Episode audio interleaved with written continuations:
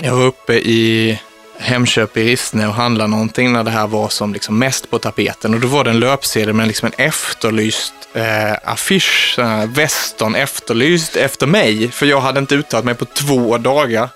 Och då tittade vi på den och så tittade eh, eh, en kille som jag känner lite grann och som jobbar i kassan där, tittade på den och sa bara, ska jag, kan jag ringa någonting? Kan jag, få liksom, kan jag få en belöning för att du är här? Jag heter Johannes Gustafsson och du lyssnar på Drömpodden som presenteras i samarbete med Visma, som hjälper mig och många andra att förverkliga sina drömmar om företagande. Med hjälp av deras nätbaserade program Visma e-ekonomi, som jag själv använder, så får jag snabbt en översikt på mitt företags ekonomi. Och med hjälp av smarta funktioner som automatisk avstämning mot banken och fakturering direkt via en app så sparar jag väldigt mycket tid. Och istället för att lägga timme efter timme på bokföring, som jag själv inte tycker är det roligaste, så kan jag istället göra det som jag tycker är kul på riktigt. Som att till exempel stå här och prata med dig.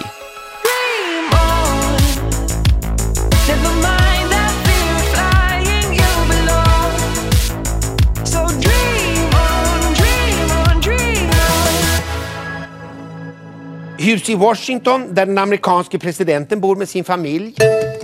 Gustav, Vad är Vita huset? Vita huset, något större. När du var 11 år så var du med i Junior Jeopardy. Mm. Japp. Och du eh, nämnde där att du skrev en bok som heter Alfen Alf. Jo, Vad hände med Alfen Alf? Han lever nog i någon sagovärld fortfarande. Själva skrivböckerna är, skulle jag gissa, är nedgrävda i någon Vittsjöhallen-kasse i en matkällare hemma i Skåne. Spännande. Ja. Och du har inte sett till Alfen Alf liksom, på de senaste åren? Nej, Jag drömmer inte om, om detta eh, sagoprojekt som jag hade någonstans där i mellanstadiet. Men eh, jag har ju alltid älskat att skriva, eh, så att jag har ju skrivit en massa efter det. Men eh, den här eh, tolken-inspirerade sagovärlden har jag släppt. Du har skrivit andra böcker, Det har jag gjort. Det har blivit några stycken. bland annat en om din morfar, Mm. som heter Min morfar skrev inga memoarer. Mm. Har jag rätt nu? Ja, det stämmer. Fanns författardrömmarna redan då? Ja, jag, alltså jag, har alltid, alltså jag har verkligen alltid, så länge jag kan minnas, älskat att skriva. Eh, Det var för mig som, ja men vissa som eh, hittar något instrument som de verkligen spelar jämt eller som är duktiga på att eh, måla eller som fastnar i, i ja, fantasy eller vad som helst. Jag, jag älskar att skriva, så jag, jag skriver lite varje, varje dag. Det är mitt sätt att tänka och bearbeta saker som händer och förstå världen. Inte för att någon annan ska läsa utan för mig så, så händer det rätt ofta att man sitter på tåget hem och skriver ner. Tåget? Ja, det, just nu är det mycket tåg och det är mycket då försenade tåg, vilket innebär att det blir mycket skrivtid och en del lästid. Härliga SJ. Speciellt i vintertider. Ja, ja det, men det är ju, det, annars kan det vara löv på, på spåren eller så kan det vara solkurvor på spåren. Man har varit med om det mesta. Just det. Just det. Men eh, var växte du upp? En liten by i Skåne som heter Vittsjö. Hur var det att växa upp i Vittsjö?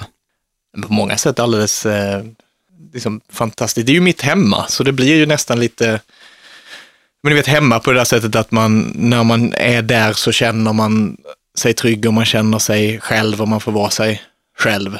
Ehm, så att jag förknippar väldigt mycket positivt med, med Vittsjö. Det fanns säkert andra sidor också, men det, det är liksom efter, det var ju 15-16 år sedan jag flyttade, så det, de sidorna har nog eh, tonat bort i minnet. Du hängde mycket i din mormor och morfars affär, om jag förstått rätt. Ja, morfar drev den lokala herrekiperingen, klädaffären. Fridolins goss, herr och gossekipering hette den från början. Goss? Herr Wow. och gossekipering, ja. Det, står, det finns en liten anno- eh, affisch från den fortfarande inne i Medborgarhuset. Jo, det var dit man gick efter eh, skolan nästan varje dag. Sen var min, eh, jag bodde ganska mycket hos min mormor och morfar eftersom min mor var sjuk en stor del av min uppväxt. Och där drack du sockervatten i affären. Ja, man kom dit och så hällde mormor upp ett glas vatten och så satte hon i en sockerbit och så fick man liksom sitta och vänta med den här sockerbiten. Och sen när du var 11 år, ungefär samtidigt som du var med i Junior Jeopardy, så gick du med i Grön ungdom. Ja, det låter ju helt, nu när man, det låter helt vansinnigt, men vi, så är det. Vi var fyra, jag har ju berättat den här historien massa gånger, vi var fyra killar som eh, fick i straffuppgift att titta på en valdebatt på tv. Och då var det en, en politiker eh, som beskrev världen som vi såg den. Alltså han pratade om de här nedskärningarna som skedde i skolan då. Det var i mitten av 90-talskrisen.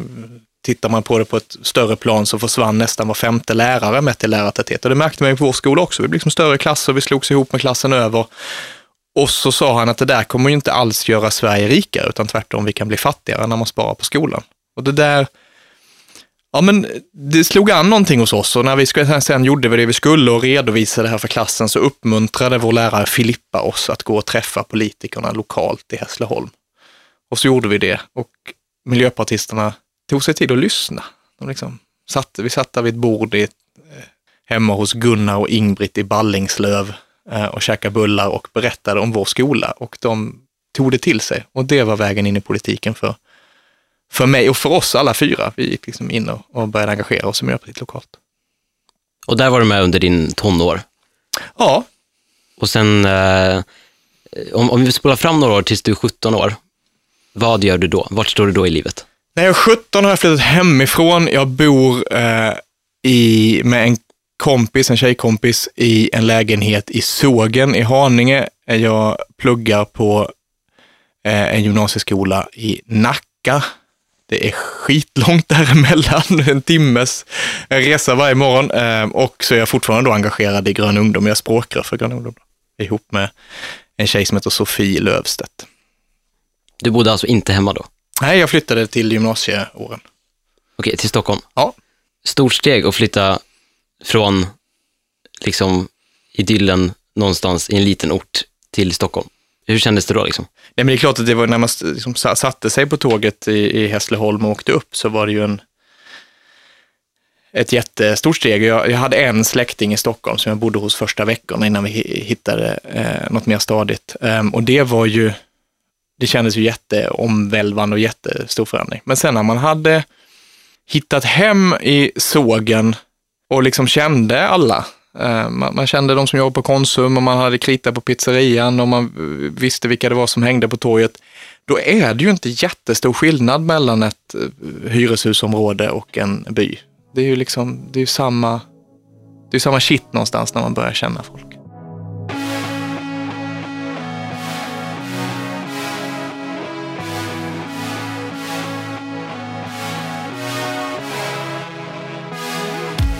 Vad var drömmen då? då? Var det att bli minister eller eh, partiledare eller statsminister? Vad var, vad var liksom drömmen? Jag kan säga att vara miljöpartist på 90-talet är inte att gå runt och ha drömmen att man ska bli minister. Det var liksom ingen som såg det hända för Miljöpartiet då. Nej, jag engagerade mig i politik och, och eh, på grund av att det finns saker, fanns saker och finns saker som jag är förbannad på och vill ändra. Eh, Men eh, det jag ville göra då, det var ju att hitta ett sätt att skriva. Jag gick på ett gymnasium där jag fick skriva mycket under gymnasiet, inte så mycket för vad jag skulle göra sen, utan att jag faktiskt fick skriva där med en journalistinriktning. Eh, Så det, det var det jag tänkte jag skulle göra. Men vad hände egentligen i gymnasiet när någon satte på låten bakom Bumbibjörnarna? Oj, den kunde vi alla sjunga. Det var, men gymnasiefesterna var ständigt ackompanjerad av eh, Bumbi, Bumbibärssaft, höll jag. Det, det, det finns ju en kille här, inte så många rum härifrån, som jag gissar är eh, källan till detta. Han var eh, lika, eh, lika mycket med på alla de här festerna. Det kan hända att det är min kollega som har skvallrat. För ni råkade gå i samma klass. Stämmer. Bra sammanträffande, tycker jag. Men efter gymnasieåren, eh, så när du är 19 år, rätta mig om jag har fel, så blir du Sveriges yngsta riksdagsledamot. Japp. Wow. Ja. Hur, eh, hur, hur kom du in där liksom? Nej, men det var inte, alltså, det går ju till så att man, om du, om du minns när du röstat, eh, eller om du sett en sån här valsedel när man ska gå och rösta, så är det ju massa namn på den där listan. Och det är ju partiet i, i din del av landet som bestämmer vilka namn som ska vara på listan. Och jag var ju språkare för en ungdom, så jag skulle ut och kampanja, liksom stå på skolor och berätta att eh, nu tycker jag att man ska rösta på Miljöpartiet och varför man skulle göra det. Så att, att jag skulle stå på listan kändes, man kändes självklart. Och då var det i Stockholm då ett, ett provval. Man, medlemmarna fick rösta. Vilka, vilken ordning vill vi ha de här namnen? Eh, och tror jag lite förvånande för alla så, så vann jag och en tjej från Uppsala som heter Åsa den där provvalet. Ehm, så vi fick stå överst på den listan. Och det var vägen in i riksdagen. Och då var det ju lite sådär, jag hade ju inte riktigt planerat att jag skulle komma in i riksdagen. I vart fall inte då, kanske sen någon gång när man pluggat och jobbat och gjort någonting annat. Men det, det kändes också konstigt att man hade gått och tjatat om att det är viktigt, inte minst för oss i Miljöpartiet, att unga får vara med och engagera sig, att man lyssnar till unga och fortsätter att ta unga tillvara. Att det där jag hade mött den där fikat i Ballingslöv där miljöpartisterna satt ner och lyssnade på oss mellanstadieungar från Vittsjö som berättade om nedskärningar på vår skola, att det skulle vara en del av vårt parti. Eh, och så har man tjatat om det och så fick man inflytande. Då kunde man ju inte säga, nej då vill jag inte ha det, utan då fick man ju säga, men då går jag in och så kör jag en period och försöker göra det jag kan av det. Men jag var ganska noga med att jag inte ville fastna i politiken på ett sådant sätt att jag inte känner att jag vet vad min identitet utanför politiken är. Det var viktigt för mig och är viktigt för mig. Jag är, det visste jag inte då att jag skulle bli, men, men jag är, sen dess är jag ju lärare. Jag är utbildad folkhögskollärare, jag jobbar på folkhögskola. Jag trivs väldigt mycket i det, så jag vet ju att när det blåser, om det blåser hårt i politiken så att jag behöver göra någonting annat imorgon, så vet jag precis vad det är. Och det ger ju mig en trygghet in i det politiska uppdraget som jag inte hade haft annars. Men hur, hur var det att komma som 19-åring in i riksdagen? Liksom? Hur tas man emot i maktens korridorer, så ung? Nej, men det är klart att, att på samma sätt som man är ung i något annat jobb så, så är man ny och man behöver förstå och lära sig. Och... Men på ett sätt är ju ett politiskt uppdrag annorlunda och det är ju att alla sitter med samma förtroende.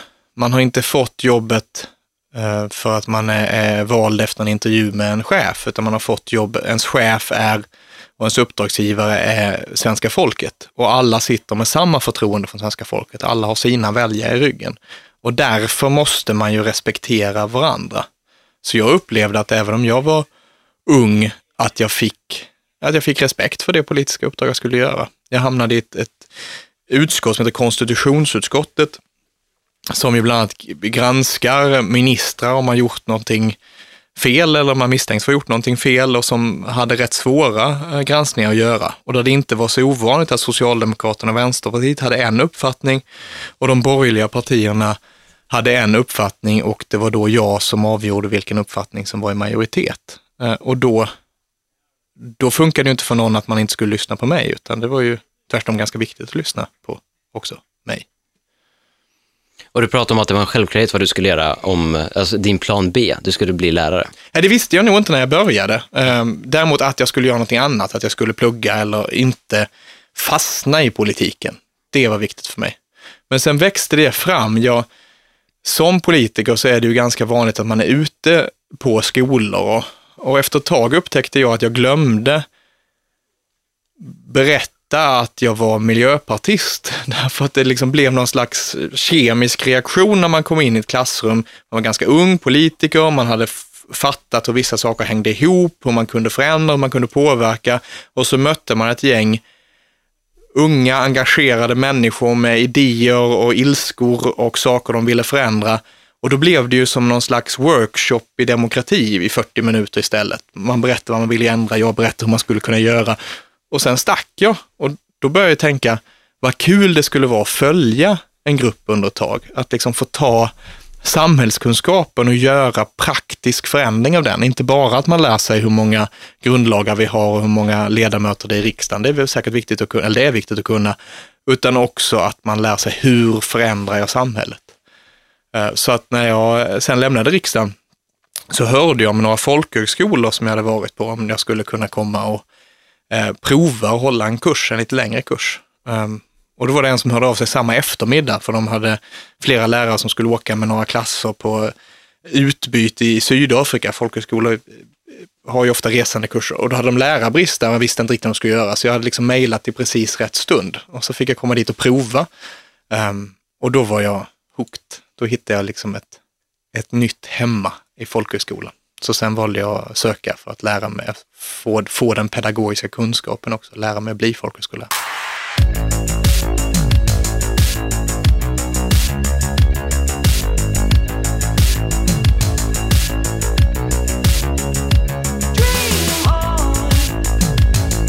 Du jobbade också som journalist under den tiden, bland annat på Kalla fakta.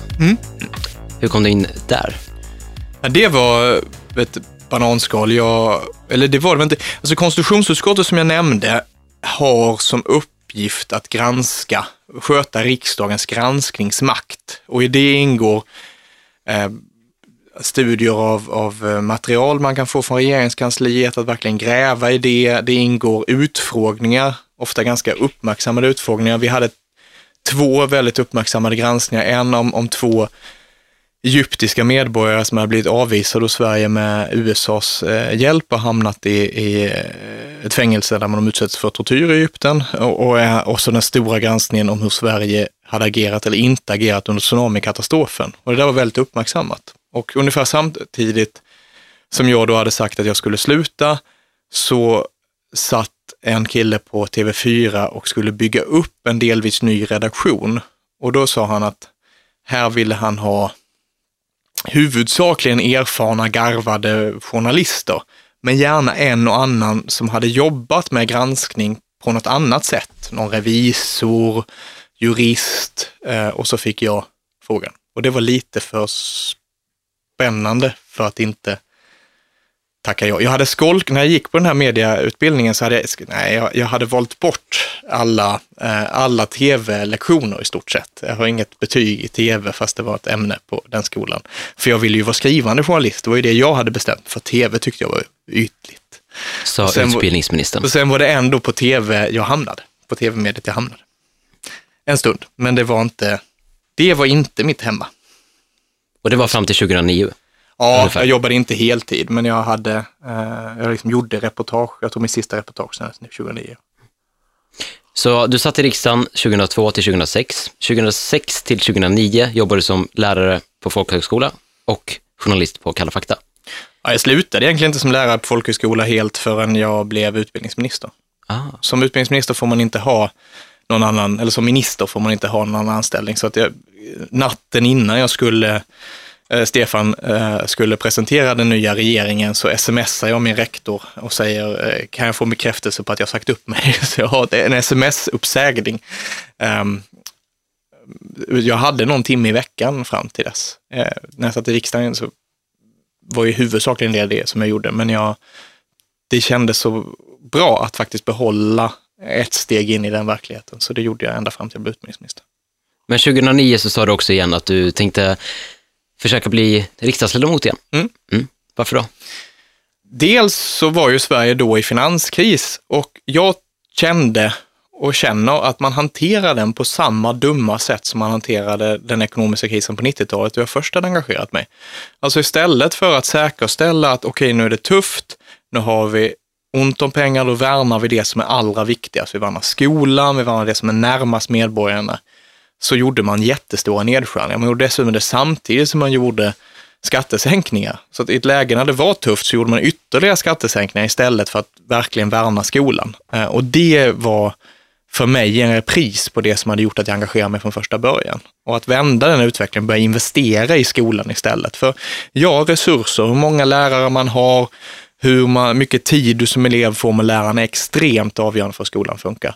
Eh, det, det var det som gjorde att jag ville kandidera igen. Sen var det också så att jag är ju från eh, en del av Skåne där, eh, där Sverigedemokraterna är väldigt starka och jag ville se om det inte gick att bygga ett, ett alternativ till deras politik som jag ju inte tror på. Um, och då vill jag göra liksom, gräsrotsjobbet runt om i de skånska kommunerna i en del av landet där Miljöpartiet var som allra svagast. Um, så det var liksom de två skälen som gjorde att jag eh, ville kandidera igen. Så då kandiderar jag inte i Stockholm utan jag kandiderar hemma.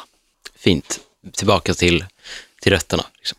Ja, och det var väldigt roligt. 2010 var på, på många sätt en, en fantastiskt kul valrörelse där. Um, när vi började så hade vi, det fanns bara miljöpartiavdelningar i sex av 13 kommuner eller någonting. Liksom resten fanns det inte ens miljöpartister. Men vi drog igång så att till slut blev vi invalda i alla kommuner, inklusive kommuner där vi inte kandiderade. och och, och eh, hade öppna kaffe och bullemöten, lite som det första mötet jag hade med politiken, där vi inte satt i någon partilokal, utan vi gick till, till eh, liksom pizzerian i byn eller, eller kaféet och så satt vi och fikade och snackade direkt politik med människor. Och det där, det funkade, det visade att det gick att bygga ett politiskt alternativ och man gick, det var faktiskt så att Miljöpartiet växte i valet 2010 och vi växte som allra, allra mest i eh, det som en gång hette Kristianstad län, där, där vi hade varit som svagast innan. Sen eh, 2014 så hände någonting, någonting ganska stort. Ja. Du blev eh, utbildningsminister. Hur går det till när man blir minister? Det är såklart olika för, för olika ministrar. Jag som då eh, var med och ledde Miljöpartiet, vi eh, såg ju efter valresultatet att det här var inte det, här var inte det bästa valresultatet vi hade önskat. Det var ett, ett ganska svårt parlamentariskt läge, men vi hade bestämt oss för att vi vill vara ett av de partierna som också då är med och tar ansvar. Även om man inte kan få igenom allt man vill i ett sånt läge, att man faktiskt försöker ta ansvar för att göra det, det bästa av den situationen. Eh, och då eh, hade vi och Socialdemokraterna sagt att eh, då sätter vi oss ner och så börjar vi förhandla hur politiken ska se ut. Så man börjar inte riktigt i vem ska göra vad, utan man börjar i hur ska politiken se ut. Och det satt vi några veckor efter valet och förhandlade och diskuterade och kom fram till en partiöverenskommelse. Och sen så, så bestämde vi ju också vilka, vilka partier och vilka personer som skulle ta olika uppdrag. Och då fick jag ju jobba med utbildningspolitik, vilket jag ju verkligen, det är ju, liksom, det är ju där jag har mitt. Jag tror ju att det är grunden för att vi ska klara allt annat, även miljöpolitiken, så tror jag att i grunden det handlar väldigt mycket om att människor är trygga och får möjlighet att nå sina drömmar och då börjar det i skolan.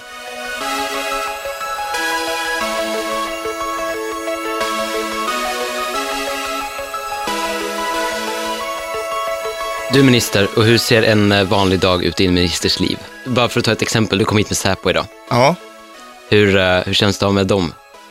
de är jättetrevliga och lätta att ha att göra med. Ehm, och i vissa tillfällen är man ganska glad för att man, man har det. Ehm, att, att det är så. Eh, när det, men eh, det är klart att det finns en baksida med att ha just det här uppdraget. Och då är det viktigt att komma ihåg att de allra, allra flesta politiker och politiskt engagerade människor har ju inte vare sig de förmåner och förutsättningar som det är att vara politiker på heltid eller den baksida som finns i det. Utan det är någonting man gör på sin fritid när man är engagerad i utbildningsnämnden lokalt och sitter och läser handlingar när barn har somnat. Det händer att jag också gör det.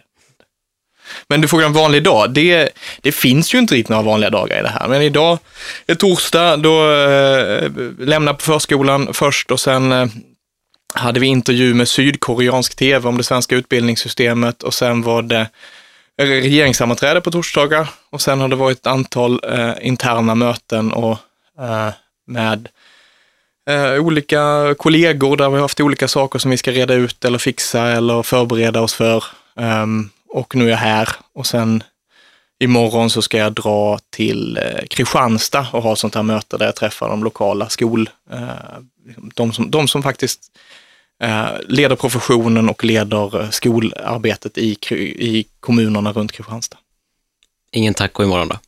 Nej, det blir, eftersom jag, ska tillbaka, Eh, eh, jag hade, i vanliga fall hade jag velat stanna där, men den här gången ska jag tillbaka upp eh, därför att min fru sen eh, i helgen, hon spelar volleyboll eh, och i helgen har hon de två matcherna för säsongen som är uppe i eh, norra Sverige.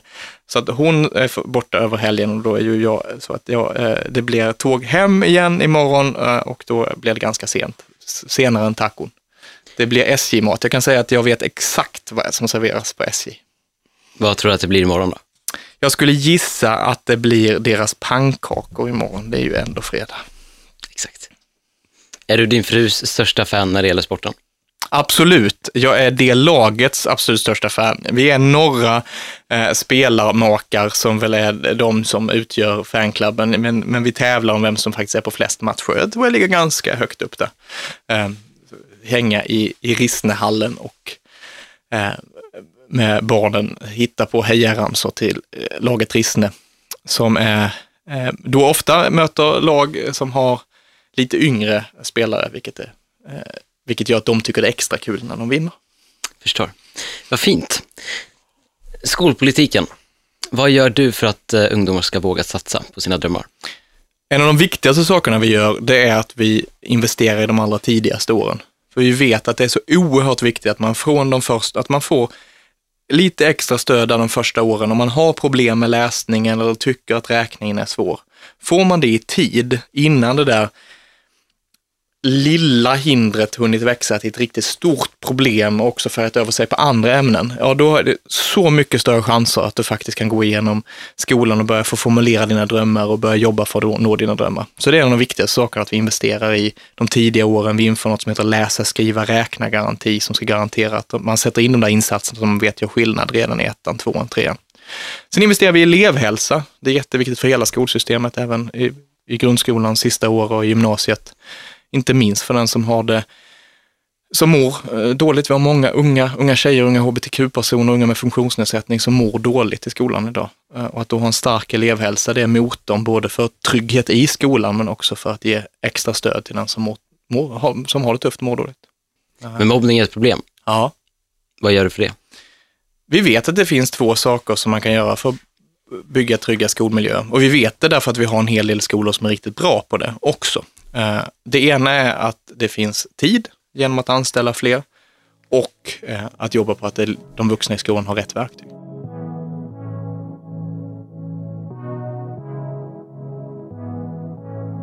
Vad har du mött för motgångar? Nej, men vi, hade, vi har haft ett eh, tufft år som Miljöpartiet sista året. Det har varit mycket extremt lärorikt, men det har också varit dagar där det varit extremt tufft.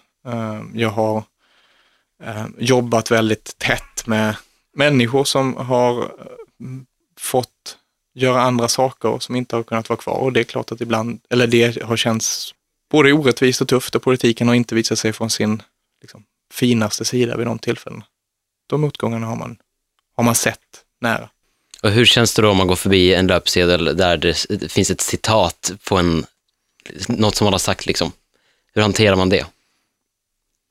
Alltså man behöver ju ha lite distans. Jag var, jag var uppe i eh, Hemköp i Rissne och handlade någonting när det här var som liksom mest på tapeten. Och då var det en löpsedel med liksom en efterlyst eh, affisch, Western efterlyst efter mig. För jag hade inte uttalat mig på två dagar. Oj. Oj, Eh, och, och då tittade vi på den och så tittade eh, eh, en kille som jag känner lite grann och som jobbar i kassan där, tittade på den och sa bara, ska jag, kan jag ringa någonting? Kan jag få, liksom, kan jag få en belöning för att du är här? Ehm, och det där, att liksom få komma ner på jorden lite grann och inse att det kommer skrivas en massa och det kommer komma glada och negativa och arga och ledsna artiklar om en. Det är liksom det som ingår i det här jobbet. Men i slutändan räknas egentligen bara det som har gjorts. Att vi får igenom en läsa, skriva, räkna garanti, att vi är med och anställer fler i skolan, att eleverna får mer tid med sina lärare, det betyder så extremt mycket mer än den där lö- löpsedeln. Och kan man liksom landa i det då, då tar man sig vidare också i politiken. vad gör mest ont då att få liksom höra om sig själv som politiker? Ja, det kan jag nog inte svara på. Det jag skulle kunna svara på är liksom, vad är jobbigast? Och jobbigast är att alla har en uppfattning om en som man träffar utan att man känner dem sen innan.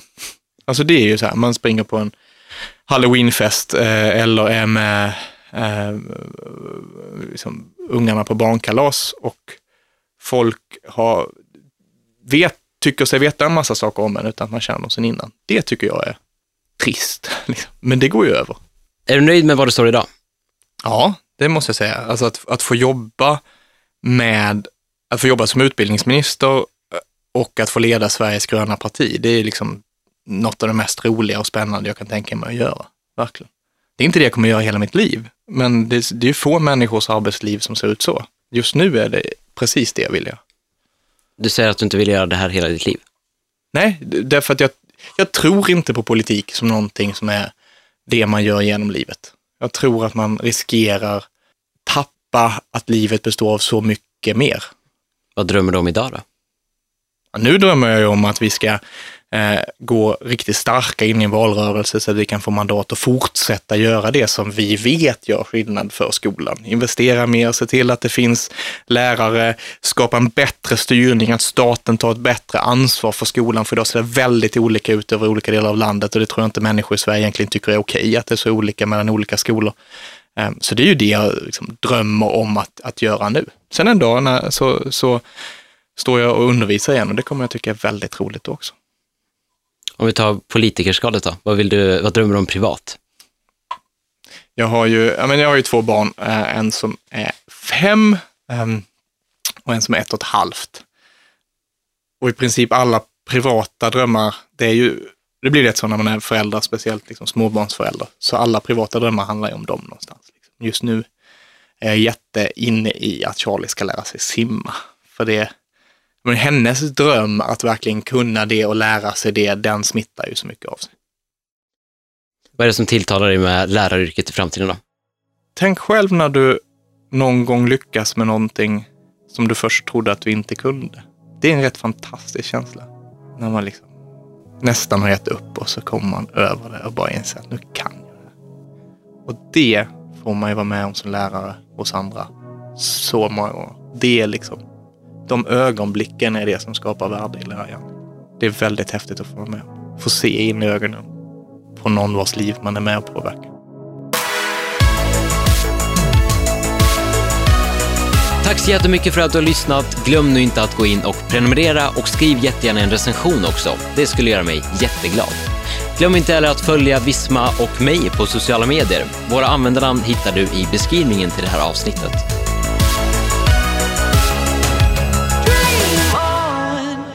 Produceras av I Like Radio.